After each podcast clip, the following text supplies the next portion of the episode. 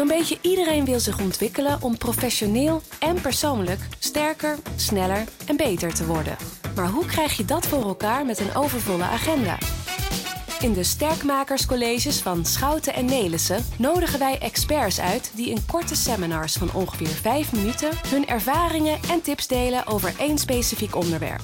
Van adviezen over time management, persoonlijk leiderschap en organisatieontwikkeling tot uitleg over begrippen als assertiviteit, vitaliteit of persoonlijke effectiviteit.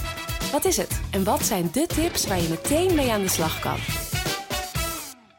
Abdul is moslim, maar durft dat niet te zeggen op zijn werk. Toen zijn nieuwe leidinggevende zich aan hem voorstelde, vroeg ze meteen of hij er problemen mee had dat ze een vrouw is. Jullie zijn het niet gewend om naar een vrouw te luisteren, toch? zei ze erbij. Oh, help, Denise komt binnen, riep een van de dames uit Denise's softbalteam laatst en sloeg een handdoek voor haar blote lijf. Het was een grapje, maar het voelde niet zo. Het was kwetsend, alsof ze naar de naakte lichamen van haar teamgenoten zou loeren omdat ze lesbisch is. Denise en Abdul behoren tot een minderheidsgroep. Ze ervaren een specifiek soort stress. Minderheidsstress. Daarover gaat deze podcast. Minderheidsstress is de psychische druk en stress die je ervaart als je niet voldoet aan de heersende norm over wat normaal en goed is. Het is belangrijk je te realiseren dat stress je manier van waarnemen beïnvloedt. Als jij iemand bent die tot de meerderheid behoort, is het soms lastig te luisteren naar mensen die zeggen dat ze zich ongelijk behandeld of gediscrimineerd voelen, terwijl dat volgens jou totaal niet het geval is. Ze moeten niet alles zo persoonlijk opvatten, denk je dan. Je ergert je aan dat gezeur over discriminatie en ervaart het als overdreven. Hoor jij bij een van de groepen uit de voorbeelden, dan ben je per definitie kwetsbaarder. Je loopt meer risico dan anderen op uitsluiting en op verbale en fysieke agressie. Dat is een gegeven. Ook als iedereen jou anders zijn toejuicht of omarmt, dan ben je nog afhankelijk van een bepaalde mate van goodwill van de meerderheid. Als de meerderheid zich ineens tegen je keert, ben je weerloos. Wie op een bepaalde manier afwijkt van de meerderheid, beseft daarom intuïtief dat veiligheid niet gegarandeerd is. En dat doet iets met hoe je naar jezelf en anderen kijkt. Iets in jou is altijd een beetje op zijn hoede. Voel je je geregeld gediscrimineerd? Dan hoop ik je met deze podcast opnieuw te laten kijken naar je ervaringen. Behoor jij tot de meerderheid en geloof je in je eigen goede bedoelingen en dat je niet discrimineert, dan wil ik je die overtuiging in twijfel laten trekken. Let op, ik zeg dus niet dat het niet waar is wat je voelt. Ik wil je alleen uitnodigen tijdelijk aan jouw waarheid te twijfelen. Om jezelf kritisch te bevragen. Bijvoorbeeld, als je een grap maakt over het lesbisch zijn van je teamgenoot, waarom doe je dat dan eigenlijk? Ik denk namelijk dat het helpt als je gaat zien dat er onbewuste dynamieken bestaan. En dat die dynamieken bepalen hoe wij als individu op elkaar reageren, maar ook hoe we dat als verschillende groepen naar elkaar doen. Als je die patronen waar we met elkaar in terechtkomen herkent, kun je ze proberen te doorbreken. Ik denk dat we dan pas echt in staat zijn om in plaats van tegen en over elkaar te praten, met elkaar te praten.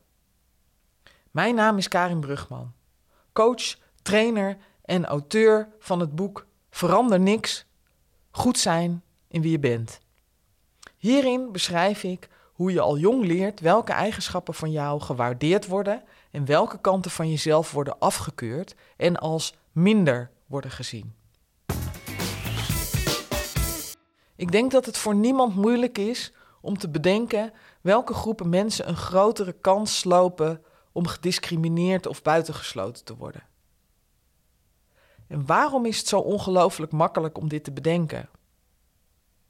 Omdat we allemaal weten welke eigenschappen en kenmerken overal en al eeuwenlang als minderwaardig worden beschouwd.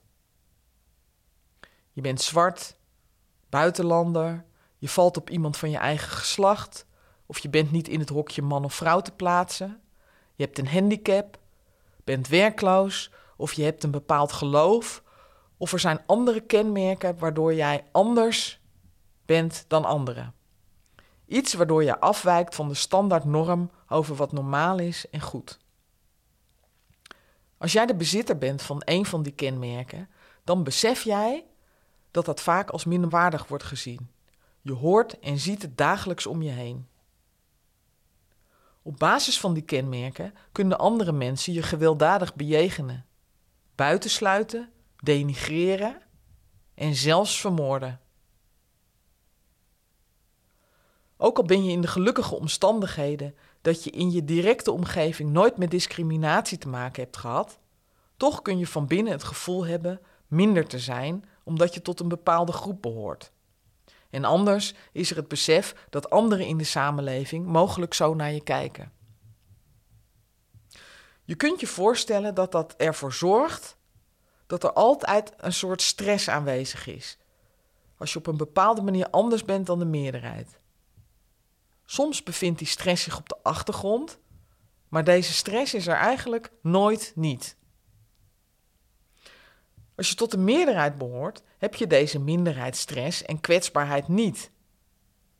Ja, misschien een enkele keer als je de enige bent met een afwijkende mening, maar dan kun je die stress vermijden door die mening niet uit te spreken of je afzijdig te houden. Al voelt dat meestal ook niet prettig. Maar stel je voor dat dat niet kan, die stress vermijden.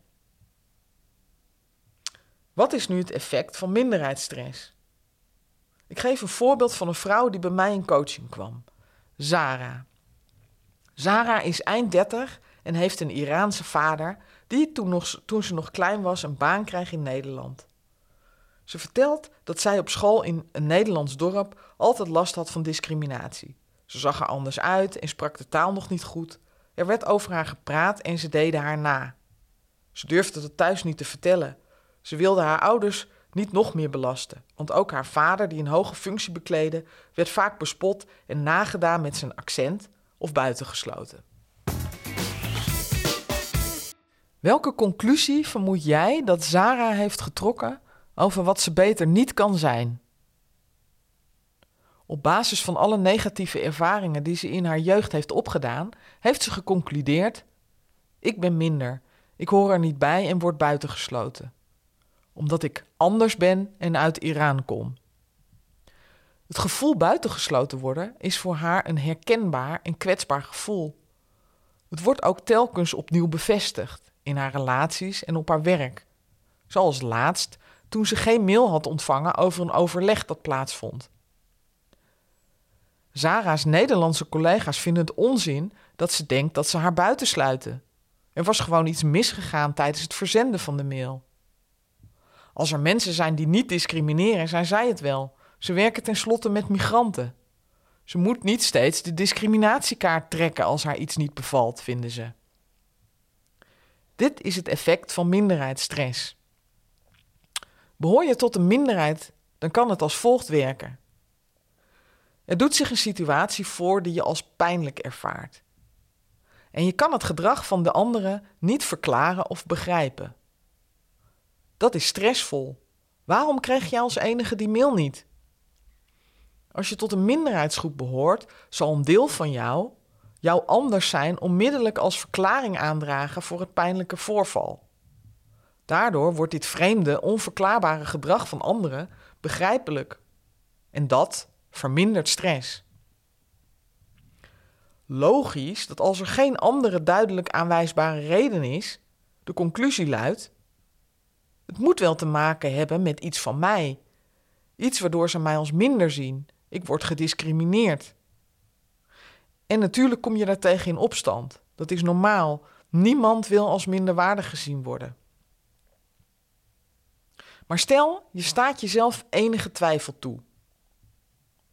Twijfel biedt de mogelijkheid om uit de vicieuze cirkel met elkaar te komen. Als je tot een minderheid behoort, geef ik je graag drie tips die je kunt gebruiken als je in een situatie gediscrimineerd voelt of buitengesloten. Tip 1. Realiseer je dat minderheidsstress een rol speelt. Die stress beïnvloedt je zenuwstelsel en je waarneming. Vraag jezelf af: zouden er andere redenen kunnen zijn waarom dit gebeurt? Redenen die ik niet zie. Tip 2. Sta eens stil bij hoe je die ander ziet of meemaakt. Heb je de indruk dat die ander de intentie heeft om te discrimineren? Het is logisch dat je op basis van je ervaringen onmiddellijk de conclusie trekt dat dat zo is. Is er twijfel mogelijk? Tip 3. Bespreek de situatie op een rustig moment met die persoon als dat kan. Vraag eerst of die ander bereid is te luisteren naar iets wat je dwars zit of kwetst. Zo ja, zoek dan een goede plek en een goed moment. Zo denkt Sarah dat haar collega's haar willen buitensluiten. Ze kan geen andere reden bedenken waarom ze anders de mail van het overleg niet kreeg. Ze gelooft niet dat het per ongeluk is. Denise uit het voorbeeld in het begin van de podcast heeft een goede band met haar teamgenoten van het softbal. Ergens weet ze wel dat ze er niet op uit zijn om haar te kwetsen, ook al doen ze dat wel. Als de collega's van Zara of de teamgenoten van Denise haar daadwerkelijk willen discrimineren en buitensluiten, is dat pijnlijk. Het is echter mogelijk dat die ander, die tot de meerderheid behoort, dat onbewust doet. Want die ander is besmet door allerlei onbewuste, stereotype beelden over jouw minderheidsgroep. Behoor je tot de meerderheid, dan geef ik je eveneens drie tips waarmee je in een situatie waarin je in jouw ogen onterecht beschuldigd wordt van discriminatie of onrespectvol gedrag, anders kunt handelen. Tip 1. Als iemand jou beschuldigt van discriminatie, wimpel dat dan niet af met gezeur, ook al vind je dat verwijt onterecht en kwetst het je zelfs. Realiseer je dat jij onbewust al je hele leven beïnvloed bent door beelden over allerlei minderheidsgroepen, zonder dat je je daar direct bewust van bent. Tip 2. Vraag jezelf af: ben ik iemand die wil discrimineren? Als dat niet zo is, is het pijnlijk als iemand je daarvan beschuldigt. Laat weten dat het je raakt als iemand je dat gedrag verwijt. Tip 3. Reageer empathisch op degene die zich gediscrimineerd voelt. Erken dat dat een naar gevoel is en vraag dan of die ander jou wil helpen te begrijpen wat het is wat jij doet dat die ander ervaart als discriminatie. Misschien heb je het helemaal niet door. Zo bood de leidinggevende van Abdul haar excuses aan hem aan toen hij aankaartte wat hem dwars zat. Ze zei dat ze bang was dat hij haar leiderschap niet zou accepteren. Ze besefte dat ze was uitgegaan van vooroordelen in combinatie met haar eigen onzekerheid. In mijn visie is dit de enige manier waarop er daadwerkelijk verandering plaats kan vinden. Door niet tegen elkaar te praten of over elkaar, maar met elkaar. En dat is heel erg moeilijk. Dat vergt oefening. Het vraagt van jou om te blijven luisteren naar de ander terwijl je gekwetst wordt. Om door de pijn heen elkaar te blijven horen. En dat lukt vaak niet. Maar we kunnen het blijven proberen door telkens opnieuw te vragen: Wil je mij helpen te begrijpen hoe het voor jou is? En dan te luisteren naar het antwoord. Ik hoop dat deze podcast je inspireert om je automatische conclusies in twijfel te trekken. Om niet meteen je eerste gedachte dat er iets mis met jou is te geloven. En om het niet weg te wimpelen als iemand je beschuldigt van discriminatie. Luister. Zo kunnen we ons met behulp van elkaar bewuster worden van de onbewuste beelden die we allemaal in ons dragen. Beelden over wie meer is en wie minder. Want het hebben van die diepgewortelde, gestigmatiseerde beelden over bepaalde groepen is niet het grootste probleem. Het grootste probleem is dat we willen doen alsof dat niet zo is. Voor nu wil ik je bedanken voor het luisteren naar dit college over minderheidsstress. Mocht je nou op zoek zijn naar nog meer handvatten om discriminatie binnen je team of welke sociale context dan ook te verminderen, dan kan je nog vele tips en oefeningen vinden in mijn boek Verander Niks in de show notes. Maar het allerbelangrijkste is dat je niet op de automatische piloot reageert en de tijd neemt om echt naar iemand te luisteren. Bedankt voor het luisteren naar de Sterkmakerscolleges. Hopelijk heb je er nieuwe inzichten door gekregen. Maar echt sterker word je door wat met deze inzichten te doen. Dus waar wacht je op? Ga aan de slag. Kijk voor meer informatie op sn.nl/slash sterkmakers-podcast. En vergeet ons niet te volgen op Instagram en LinkedIn. @sterkmakers_podcast.